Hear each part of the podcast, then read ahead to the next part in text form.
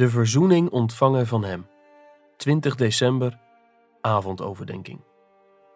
En dit niet alleen, maar wij roemen ook in God door onze Heer Jezus Christus, door wie wij nu de verzoening ontvangen hebben. Romeinen 5, vers 11. Hoe ontvangen we de verzoening en roemen we in God? Het antwoord is door Jezus Christus. Dat betekent dat de schildering van Jezus in de Bijbel, de woorden en daden van Jezus, zoals beschreven in het Nieuwe Testament, deel uitmaakt van de wezenlijke inhoud van onze vreugde in God. Als we roemen zonder dat Christus zelf daar de inhoud van is, eren we Hem niet. In 2 Korinthe 4, vers 4 tot en met 6 beschrijft Paulus de bekering op twee manieren. In vers 4 zegt hij dat het gaat om de verlichting met het evangelie van de heerlijkheid van Christus, die het beeld van God is. In vers 6 zegt hij dat het gaat om kennis van de heerlijkheid van God in het aangezicht van Jezus Christus.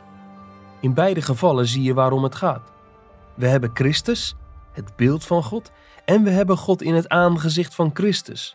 Praktisch gezien betekent je verheugen in God dat je je verheugt in dat wat je van God ziet en weet via de beschrijving van Jezus Christus.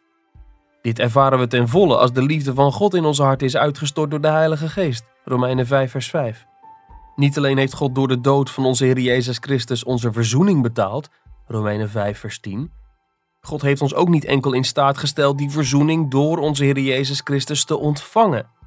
Maar juist door onze Heer Jezus Christus verheugen we ons echt in God zelf. Jezus heeft onze verzoening betaald.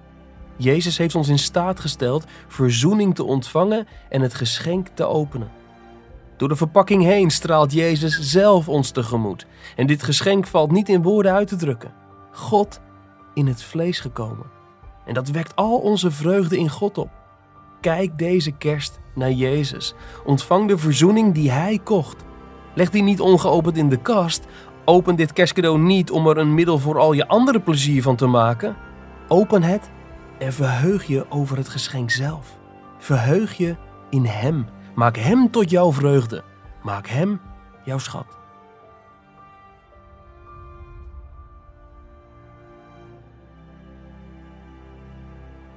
Je luisterde naar een overdenking uit het boek Onwankelbare Vreugde van John Piper.